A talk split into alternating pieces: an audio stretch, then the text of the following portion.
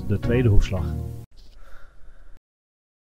Welkom bij podcast De Tweede Hoefslag. De podcast waarin we stelling nemen, soms naar rechts, soms naar links en vaak rechtdoor. Ik ben uh, Karin de Haan en uh, vandaag zijn we op bezoek bij uh, Kirsten Bekkers. Ehm, die sinds enige jaren alweer haar dressuurstal in uh, Bakel, het Brabantse Bakel, runt. Kirsten, bedankt dat we mochten komen. Graag gedaan. En het, we hebben sowieso een leuke staltour gehad. verschillende paarden gezien. Um, maar voordat we stellingen gaan nemen, val ik maar even met de deur in huis. En zou ik je willen vragen hoe je hier terecht bent gekomen? Ja, dat is eigenlijk al een hele moeilijke vraag. ik was op zoek naar een plekje om te huren. En toen zei Leontien Rijmakers tegen mij... je moet eventjes naar Frans van Zandvoort bellen. Want die weet vast wel iets. En Arthur Verbroeken zat hier. En die had het spul van de familie Rongen gekocht. En toen kwam dit leeg. En toen hebben wij dit kunnen huren. Oh ja. We hebben inmiddels een gezelschap gekregen in onze podcast. Vertel eens weer wie dit is, eh, Kirsten. Want dat is wel, dit is, het eh, social distancing is een stuk makkelijker zo. dit is Mochi. Ja. Een Rhodesian Ridgeback van 2,5 jaar. Ja. En die erg jaloers is aangelegd en altijd aandacht wil. Ja. Het is als volgt. We hebben dus uh, uh, op social media gevraagd aan onze volgers... hebben jullie vragen voor Kirsten? En daar kwam heel veel binnen via de mail. Een enkele ook via social media zelf. Dus voordat we stellingen gaan nemen, gaan we die vragen maar eens doen. Want er staat een hele leuke bij. Bijvoorbeeld, Kirsten de Bruin stuurde via mail. Uh, Kirsten, je werkt nu alweer een aantal jaren voor jezelf. Daarvoor was je stalruiter. Nou, dat weten we allemaal. Bij het Soeterij Broeren heeft Kirsten heel lang gewerkt. En ook bijvoorbeeld de beroemde Jazz uh, gereden. Maar goed, toen je stalruiter was, hoefde je over de financiële gang van zaken geen zorgen te maken. Nee. Wat is fijner? Het is fijner als je geen financiële zorgen hebt. Want en dat je, daar niet over na hoeft te denken. Dat je alleen maar op het rijden hoeft te concentreren. Ja. Maar aan de andere kant is dit voor mezelf ook een hele grote uitdaging. En gaat het ook gewoon heel goed. Ja. En natuurlijk heb je een aanloop nodig. Maar dat is logisch. Ja. Maar het gaat beetje bij beetje beter. Ja, ik vind het eigenlijk echt superleuk. Ja. Ik ben echt heel blij. Ja, want je stal staan vol. Ja. En uh, je geeft ook wel lessen hier en daar.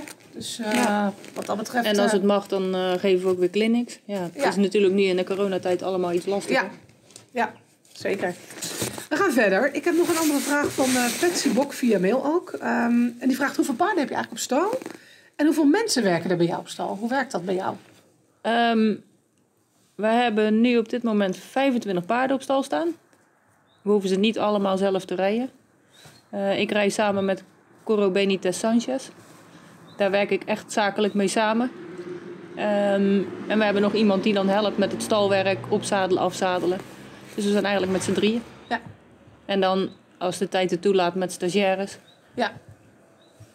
En we hadden een keer een weekendhulp, maar ja, die is weer vervallen. Ja, dat gaat gewoon zo. Ja. Ja. Ja, dan krijgen ze andere dingen of een baan of... En als je dat nou vergelijkt met de tijd dat je dus uh, nog bij uh, zo'n stoeterij Broeren werkte... Dat was volgens mij ook best hard werken. Daar keken mensen zich ook op, heb ik, had ik ja, eens het idee. Daar werkte ik zeven dagen in de week. Ja. En dat deed ik ook zelf, dat hoefde niet van meneer Broeren. Maar als je iets wil bereiken in de topsport ja. en je hebt wedstrijden, ja, ja, dan moet je daar gewoon elke dag voor klaar zijn. Ja. ja. En dat heb ik met heel veel plezier gedaan en dat, ik zou het ook niet anders doen. Nee. En uiteindelijk kon ik het daar ook een soort van beschouwen als mijn eigen paarden. Ja, ik had altijd vrije toestemming voor alles. Ja. Dus wat dat betreft is er weinig veranderd. Ja, precies. ja, misschien werk ik nu langer door. Ja, ja. ja. Het werk moet natuurlijk, het is ook pas af als het af is natuurlijk. Ja. Hè? ja. ja. En is het zo dat, want je, je, je geeft dan het aantal paarden aan, maar uh, uh, bij Broer had je vaak natuurlijk ook wel kwalitatief hele goede paarden, maar Ja. ook best wel eens wat gewonere. Ja. Uh, en hier, wa- wat heb je nu zo staan? We hebben er echt hele goede getalenteerde paarden tussen staan. Maar we hebben er ook paarden dus tussen staan die misschien minder talent hebben. Maar waar eigenaren dan iets geleerd willen hebben. Die Ja. misschien stout zijn geweest. Of een wissel moeten leren. Ja. Dat soort dingen. En dat, ja, dat pak je met beide handen aan. Het moet gewoon gewerkt worden. Ja, Je kan niet zeggen van, oh, die vind ik niet zo leuk. Nou, doe maar niet. nee. Dat kan misschien over een aantal jaren dat je kan selecteren. Maar ja, als je voor jezelf begint, moet Ja. je gewoon proberen alles zo goed mogelijk te doen. Ja. Heb jij een favoriet type paard? Nee, denk ik niet. Nee? Nee. Dus jij bent, jij Kan bent- eigenlijk denk ik wel met heel veel dat is paarden. wel knap. De meeste mensen hebben toch, omdat ze zelf een bepaalde type zijn, eh, de voorkeur voor een bepaald type paard. Maar dat is denk ik ook omdat ik dat altijd moest. Ja. Ik weet niet beter. Je moest rijden wat er stond. Ja, Ja, ook al waren het goede paarden. ook al waren het goede paarden, alle karakters moest je toch proberen om mee om te gaan. Ja. En dat was vroeger bij Frank Jespers al zo. Dat is bij Stoeterij Broeren niet anders geweest en dus niet weer zo. Ja. En natuurlijk vind je het ene paard fijner dan het andere paard. Maar het is nou niet zo dat ik denk van, nou, dat gaat helemaal niet. Nee, precies. Als ze maar eerlijk zijn en Ja. een goed karakter hebben. Ja. Ja. Stoute paarden durf ik niet. Is dat altijd zo geweest? ja. Ja. Dan, eh, dan heb ik een leuke vraag. In de tijd, dat is dus Tony Drop, die stuurt die vraag. In de tijd dat je jazz en ook later West Point bijvoorbeeld reed, ehm, reed je wel kaderniveau. Ja. Eh, dus in sportief opzicht doe je dat nu gewoon nu niet. Nee. Ehm, wat zijn je ambities meestal? Wil je weer naar die topsport? Of vind je het ook leuk om gewoon eh, te- paarden te trainen van andere, andere mensen te helpen, les te geven? Maar ligt die focus wat minder op, het op de topsport? Tuurlijk ligt de focus nu minder op de topsport. Ja, Nou heb ik wel Easy Quote die het goed doet in de Grand Ja. Prix. En daar heb ik wel kaderwedstrijd mee gereden. Maar ja, dat is er maar één geweest. Toen kwam de corona. Hoe lang rijd je die al? Drie jaar. Ja.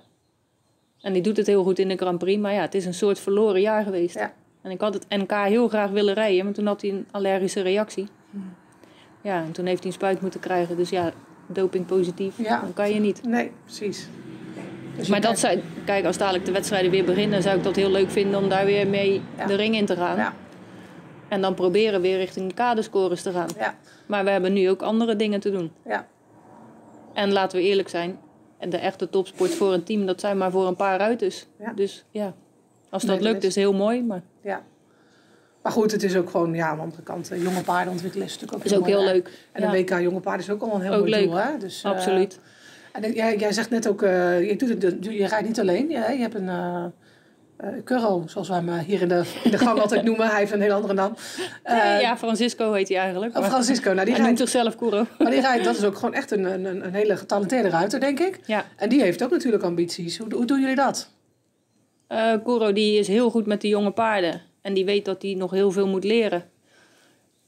Dus we zijn gewoon van het begin af aan begonnen met zalemak maken. En ja, de paarden worden nu ouder. Hij Ja. heeft er nu vier in de Z2 gereden. En we hopen dat hij dit jaar door kan stromen naar de lichte toer. En dan ja, Ja. kijken we hoe het gaat. Ja, jullie sporten elkaar gewoon. Ja, Dat is ook het leukste, denk ja. ik. hè? je en de ene kan misschien beter met dit paard overweg. En de andere kan misschien beter met een ander paard overweg. Ja, Ik denk altijd samen staan we sterk. zeker. Ja.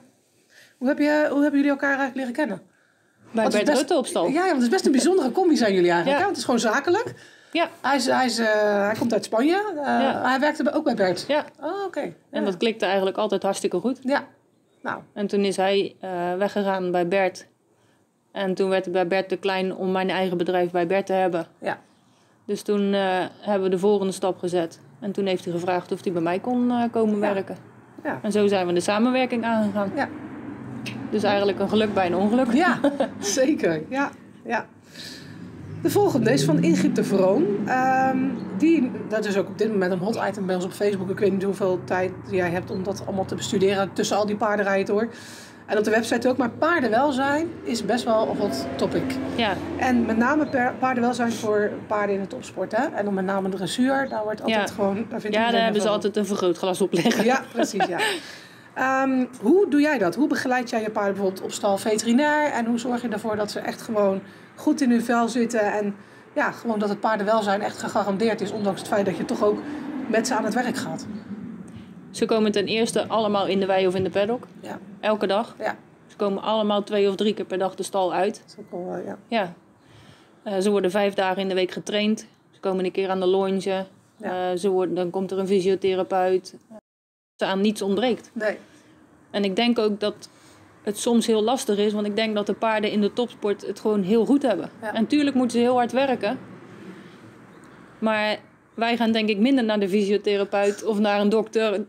dan menig sportpaard begeleid wordt. ja. Het vergrootglas ligt er ook zo op. Ja. Ja, het is niet alleen dressuur, hè. het is ook in de springsport natuurlijk. hè. Ja, bedoel, eh, Ja. We weten allemaal nog uh, Mark Houtzager Ja. op het eh, EK in Rotterdam. Dat hij eh streaker eh ervan Ja, rennen. Dat was En eigenlijk echt- levensgevaarlijk. Ja, nou zeker. Ja. Ja. En ook voor het paard, hè? Ook voor het paard. Dus dat paard kan Hij zou het wel- vertrouwen ook nog kwijtraken. Ja. ja, of zich gewoon heel erg blesseren. Omdat Blesseren. verkeerde... Het zijn enorme hindernissen. Dus Ja. als dan het misgaat, gaat het ook echt mis. Ja, ik snap ook niet waarom mensen dat doen, maar goed. Nee, dat is, dat is wel... En ik eh, denk ook niet dat je de paarden blij maakt die gewend zijn in de topsport te lopen, om ze met z'n allen in de wei te gooien. Nee, nou of zeker, dat leuk is. zeker geen dag- en nacht situatie. Nee. Dan, eh, dat, dat zijn vaak paarden die dat helemaal niet meer gewend zijn Nee. natuurlijk. Hè? We gaan door naar een heel leuk item. Een heel leuk onderwerp. En dat heet jazz. Ah, Ja. Op Facebook. Die zegt, jij kent jazz als geen ander. En dat is denk ik ook zo. Hij zelf heeft dan blijkbaar, dat zegt hij hier, wel zo'n nakomeling van hem gehad. Nou. Hij zegt niet of dat positief of negatief is. maar hij is vooral heel nieuwsgierig hoe jazz zelf was. En hij zegt een aantal uitersten en dan mag jij kiezen. Oké. Was jazz eerder lui of eerder werkwillig? Lui. Vertel, leg eens uit. Bijvoorbeeld. Ehm, ja, ik denk dat mensen dat ook wel hebben gelezen van Tineke Bartels. Dat hij heel graag de laatste piaf stil wilde gaan staan. In plaats van doortrok. Ja, ja. En hij telde de mensen op de tribune. Oh ja. Als er genoeg mensen zaten, dan kreeg hij ook meer energie. Showbink. Ja, is showbink. Ja, ja, ja. ja. Hij was berekenend. ja. Eerder dan als lui. Slim. Ja. En in de training bijvoorbeeld. Als je gewoon aan het trainen was. Oh, dan was hij werkwillig. Ja? Ja. hij wilde veel leren. en Ja. Veel, eh, ja. ja. Nou Dus- heb ik hem natuurlijk op latere leeftijd gekregen. Maar ja, ik heb altijd heel veel plezier met hem gehad. Ja. Elke dag weer. Ja. Ja. Ja, wat we, eh, toevallig hadden we het net over, hè, dat, eh, dat, dat je bij een jazz altijd zachtjes moet doen. Ja. Dat is wel interessant iets om te vertellen, ook mensen die een jazz hebben. Want dat geeft hij ook best wel vaak door. ja, als je ze te hard aanpakt, zijn ze beledigd. Ja. Sluiten ze zich af. Doen ze niks meer. Ademen ze niet meer. En dan doen ze niks meer voor je. Ja. Dat is hetzelfde als ze heel kijkerig zijn. Je kan beter beetje bij beetje er naartoe rijden. Ja. Dan dat je zegt, en nu ga je er naartoe. Ja. Dan gaan ze er zeker niet naartoe. Nee, precies. Ja. Ja, ja. ja. De volgende, was die eerder heet of koelbloedig? Ik denk dat hij als jong paard heet was. En uiteindelijk toen ik hem kreeg, was hij heel koelbloedig. Ik kon hem overal binnenrijden. Ja. Hij heeft nooit één pas verkeerd gezet. Nee. Maar Tineke heeft natuurlijk ook dat ballet en zo gedaan. En alles. Ja. Heeft daar heel veel Die heeft werk er in heel veel tijd in Ja, gestoken. Ja, ja. Dat, dat zal waarschijnlijk er ook mee te maken hebben. Ja, En dan zie je ook dat ook dat... Een paard kan zo zijn, maar je kan ook een paard heel veel leren. ja. En ik denk ook dat mensen die een jazz hebben... en hem van jongs af aan hebben... dat die ook niet moeten schromen om ze overal mee naartoe te nemen... en heel veel moeten laten zien om ze makkelijk te krijgen. Ja, ja. En dat herken je ook bij nakomelingen van Ja. jazz. Want je hebt ook heel veel nakomelingen van jazz gereden. Ja. Ja. ja. Ehm, nog eentje. Ehm, vlug of traag? Toch wel traag. Ja? Mag ik eigenlijk niet zeggen over mijn vriend, maar dat is toch wel zo. Want? Toch snel een beetje hengstachtig dat hij aan je been bleef plakken. Oh ja. Want volgens mij kon hij wel hè, vliegensvlug reageren. Hij kon heel snel reageren. En daarom... Ja, dat was als jong paard. ja, ja, ja, ja. Ik heb hem nooit zo vervelend meegemaakt. In Nee. de zin van dat hij bang van iets was. Of... Hij kende natuurlijk alles toen hij bij mij Ja, ja, ja. Had een uh, gedegen ja. gehad. Ja, ja, Ja. ja, ja, ja, ja. Maar bij nakomelingen van jazz vind ik wel... ehm, ik weet niet hoe jij erin staat, maar die kunnen soms... Het probleem voor veel ruiters is dat ze gewoon te vlug zijn. Ja, en zeker in de beginjaren. Dan zijn Ja. ze heel ril en als ze een blaadje zien bewegen, dan draaien ze in één keer om. Ja, Ik wil niet zeggen dat ze allemaal stijgeren, bokken, maar ze zijn wel vlug. ja, precies. En dat vergt natuurlijk wel wat van een ruiter. Ja. En ik denk dat het in de loop van de jaren wel beter is geworden naarmate we wisten wat voor merries er bij jazz moesten. Ja. En wat voor merries moesten er dan bij jazz? Koelbloedige merries. Ja, Ja. Niet kijkerig. nee, beetje Duitse merries. Ja. Ja. Jammer dat hij zo laat pas in Duitsland uitgekeurd is. ja, is echt zonde. Op latere leeftijd. Ja, Ja. Dat is wel, ja. Ik heb de laatste van Cor Verdoes. Eh, bang of dominant? Dan denk ik eerder bang. Ik heb hem nooit dominant meegemaakt. Nee? Nee. Nee. Klein Nee. hartje. Klein hartje, heel klein hartje. Ja, ja, Echt een hartstikke lieve hengst. ja. Had hij had, had geen probleem met leiderschap. Nee, helemaal niks. Nee. En nakomelingen van Jess? Ik denk dat dat ook een beetje aan de moederlijn ligt. Ja. Ik heb wel een dominante gehad. Maar de meeste zijn toch klein hartjes. Ehm, we gaan nog even door eh, over jazz. Want ja, uiteraard als we natuurlijk eh, jou gaan interviewen... dan komt even alle, al die jazz eh, heimwee naar boven. Ja, Of jazzfrustraties bij sommige mensen misschien, ik weet het niet. ja de- je houdt van hem of je haat hem. Ja, Er is geen tussenweg volgens mij. Precies, ja. Ehm, maar Anita Bogaert stuurde ons nog de volgende mail. Wat is de beste naast, jazz nazaat die jij ooit gereden hebt? Dus niet jazz zelf, maar welke nazaat van jazz was de beste volgens jou? Die jij zelf gereden hebt. En waarom? Ja, dan denk ik dat ik West Point moet zeggen. Die heb ik uiteindelijk ook Grand Prix mee gereden Ja. en in het kader gezeten. En die heeft het internationaal ook goed gedaan. Ja. Ja. En wereldkampioen. Ja. En wat had hij van zijn vader? Hij was wel echt mooi ook. Heel mooi ook. Ja. En berg opgebouwd. De elegantie van jazz. Ja. Maar die was helemaal niet kijkerig. Nee. Helemaal niks. Nee. Nee. En ik denk dat hij van nature een betere rolop had als jazz. Ja. Ja. Meer kracht. Ja. Mooi. En ik denk daarna Argentino. Ah ja, precies. Ja. Ja. ja. ja.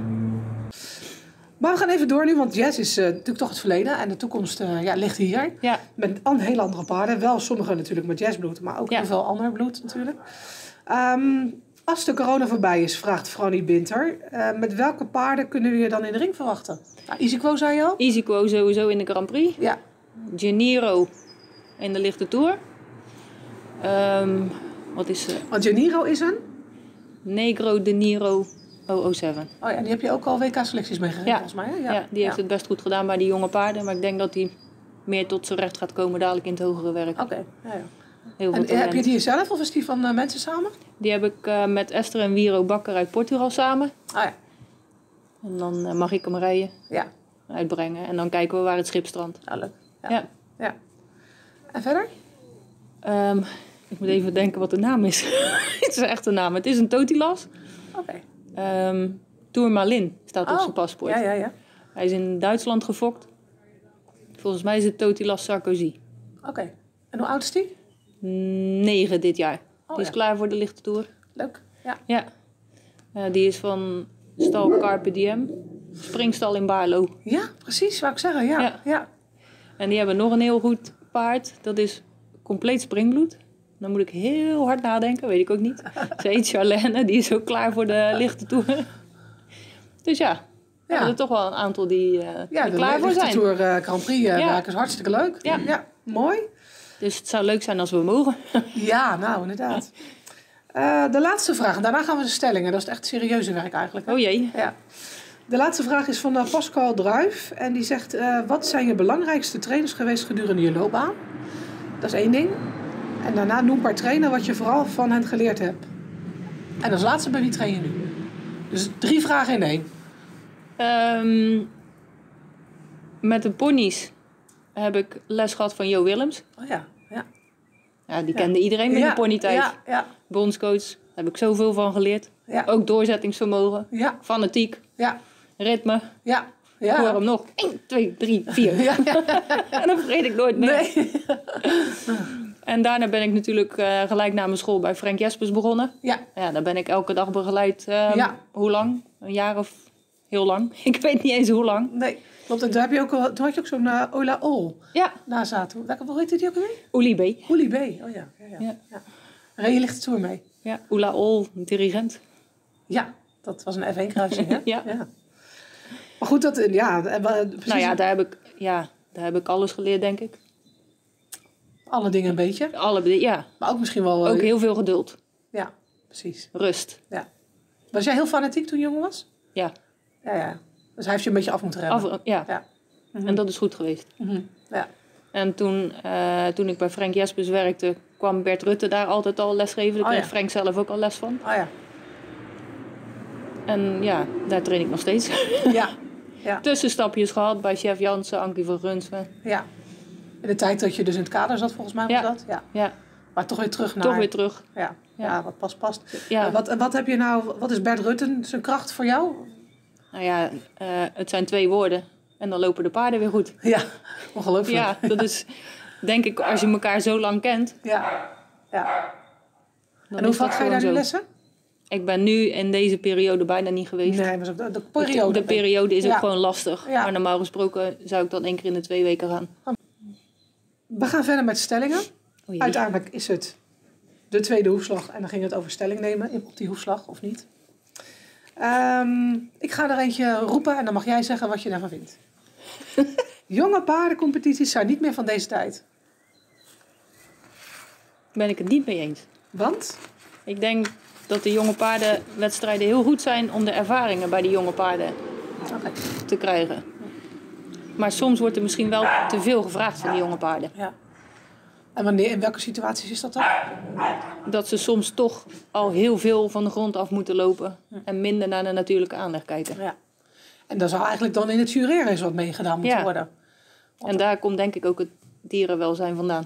Ja, Een gedeelte. ja, ja. Ja, dat is denk ik ook het kritieke punt op de jonge paardencompetities. Ja. ja. Maar jij zegt, ze leren er ook wel heel veel. Heel veel. Ja. Want je komt toch op hele mooie wedstrijden. Mhm. Veel entourage. Je Ja. kan ze altijd eventjes longeren van tevoren. Ze worden er nooit dommer van. Nee, Als je ze tot de negende thuis houdt. En je gaat dan in één keer bijvoorbeeld naar Aken. Ja. Ja. Dat is voor de paarden ook niet fijn. nee, nee, zeker. Maar het jureren zou natuurlijk wel gewoon een duidelijker signaal af moeten worden gegeven. Op het moment dat het eh, over de top is, dan ja, moet dat gewoon dat- harder dat- afgestraft worden. Ja, dat denk ik wel. Vind je dat ook niet in de Grand Prix? Zo, dat is moeilijk. Nou leg je het vuur aan mijn schenen. nou ja, ik denk dat er wel een hele goede trend is ingezet. Dat het er heel makkelijk uit moet zien. Ja, En dan kunnen ze alsnog van de grond lopen. ja tuurlijk. En dan kunnen ze nog heel mooi piaf passage lopen. Ja. Maar dat het er meer ongedwongen uitziet, vind ik wel mooier om naar te kijken. Ja. En ook met het dierenwelzijn ja. ziet het er ook gewoon vriendelijker Ja. uit. Alsof Happy, het happy echt- athlete. Ja, happy athlete, ja. Nou ja, we gaan door naar de volgende stelling. Liever een houwer dan een douwer. Liever een houwer. Ja, Dat is denk ik elke dressuurruiter bijna. ja. Ja, is dat zo? Ja, dat denk ik wel. Ja. En zeker als je Grand Prix wil rijden, dan is het toch fijn als ze iets over hebben. Ja, ja. Want als je in een Grand Prix proef moet dou- douwen, dan eh, kan je aan het zuurstof aan het einde van de proef.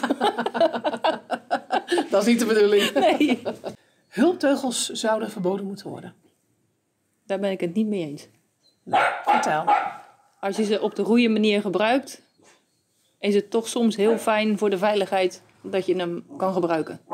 Maar het is wel zo dat sommige mensen natuurlijk... Misbruik ervan ja, maken. Precies. Ja. Ja. Ja, daar ben ik het niet mee eens. Nee. Maar dat is moeilijk. Hoe, ga je dat dan, hoe kunnen we dat dan zo organiseren dat de mensen die het goed kunnen gebruiken en op de goede manier ook gebruiken, Ja. dat die dat doen. En dat al die mensen die toch een beetje misbruik maken van die hulpteugel en paarden Ja, daar daardoor- moeten ze afgehaald worden. Dat is lastig. Ja, dat is heel lastig. Ja, want wat thuis Ik denk gebeurt... ook dat de trainers daar heel groot aandeel in hebben. Ja, Als het misbruikt wordt, dat daar wat van gezegd wordt. ja, dat Om sowieso. het op de goede manier te leren. Ja, ja precies. En, eh, maar ook, ja, maar dan nog, hè, het is nog wel heel vrijblijvend. Ja, Want ja het is ook heel moeilijk. Ja. Ja, Het is dat een moeilijk- lastig, een moeilijk iets, ja. Maar voor jouzelf zeg je, ik vind dat ik hulpteugels gewoon moet kunnen gebruiken wanneer het nodig is. Ja, en Gebruik je niet... veel hulpteugels? Nee, eigenlijk valt het heel erg mee. Ja. Maar als je een jonge hengst hebt, Ja. dan is het toch wel eens fijn als je hem wel erbij hebt. Mocht er iets gebeuren, dat je Ja. toch een keer kan zeggen, oh, ja tot precies. hier en niet verder. Ja. Als het niet nodig is, gebruik ik hem niet. Nee, nee, maar dat is ook logisch dan. Dan ja. vind ik het ook niet nodig. Nee. Maar misschien dat veel mensen toch misschien zichzelf zouden moeten afvragen of zo. Ja, vaker in de spiegel kijken of het echt nodig is. Ja, Precies. Zelfreflectie. ja. Ja, dan hebben we nog, een, eh, nog twee stellingen te gaan, dus we schieten al, eh, al lekker. Dat gaat best snel. Ja, we zoeken eh, de, de, meest gepeperde doen we altijd aan het begin. Nee hoor. maar dit is wel een leuke. Zelfrijden is leuker dan lesgeven. Ja, Ja, dat blijft. dat blijft. Ja, Ja, dat blijft kriebelen. was altijd al hè? Ja. Ja. Ik vind lesgeven echt heel leuk. Heb ik ook moeten leren. ja. Maar het Toen je zelf... voor jezelf begon heb je dat moeten leren. Ja. ja. Ja. Ik heb, toen ik bij Stoeter en Broeren werkte, hoefde ik dat niet te doen. Nee. Want meneer Broeren wilde dat ik me op de paarden concentreerde. ja. En dat was het. ja. Dus ik vind dat ook echt heel leuk. En zeker als mensen heel graag willen leren. Ongeacht of ze nou heel veel talent hebben of niet. Maar het zelf rijden, ja, dat vind ik toch echt het allerleukste. ja. ja. Zeker. Ja. De laatste. Nou, kom maar op. Zonder een grote sponsor is topsport een utopie. Dat is waar. Ja. Want het kost echt heel veel geld. ja. En jij hebt het ook echt meegemaakt. Ja, Met een grote sponsor Ja. en nu zonder een grote sponsor. Ja. Wel met mensen die je helpen, maar niet echt ja, grote ja. sponsor. Nee, maar je hebt gewoon echt een grote sponsor nodig. Ja. ja. Of in ieder geval de financiële middelen, want anders kan dat gewoon niet. Nee. Want als je elke keer internationaal weg bent, die internationale wedstrijden kosten al heel veel geld. Ja. Je hebt de spullen nodig, je moet je stal achterlaten, je moet mensen hebben die dan thuis alles door kunnen laten gaan. Ja. Ja, Ga niet zomaar. dat gaat niet zomaar. Nee, zeker. Dus soms moet je keuzes maken. Keuzes maken met Kirsten. Dat is de, ik zie de, de titel van het interview zie ik al. Nou, dat was de laatste stelling. Ik hoop dat je het leuk vond om, uh, om hier aan mee te werken. Hartstikke ik vond leuk. het in ieder geval een heel leuk gesprek. Ik vond er toch wel weer leuke, verrassende nieuwe dingetjes in zitten. Die we, uh, die we nog niet wisten van jou en van Jess en van, uh, van alle andere paarden. Ja. Dus ik zou zeggen, heel erg bedankt. Heel graag gedaan. Superleuk de... dat je bent geweest. Ja, zeker. en voor de luisteraars zou ik zeggen ook de bedankt voor het luisteren. En tot een volgende keer. We gaan snel weer een nieuwe podcast maken. Volg onze social en je leest vanzelf met wie. Bedankt.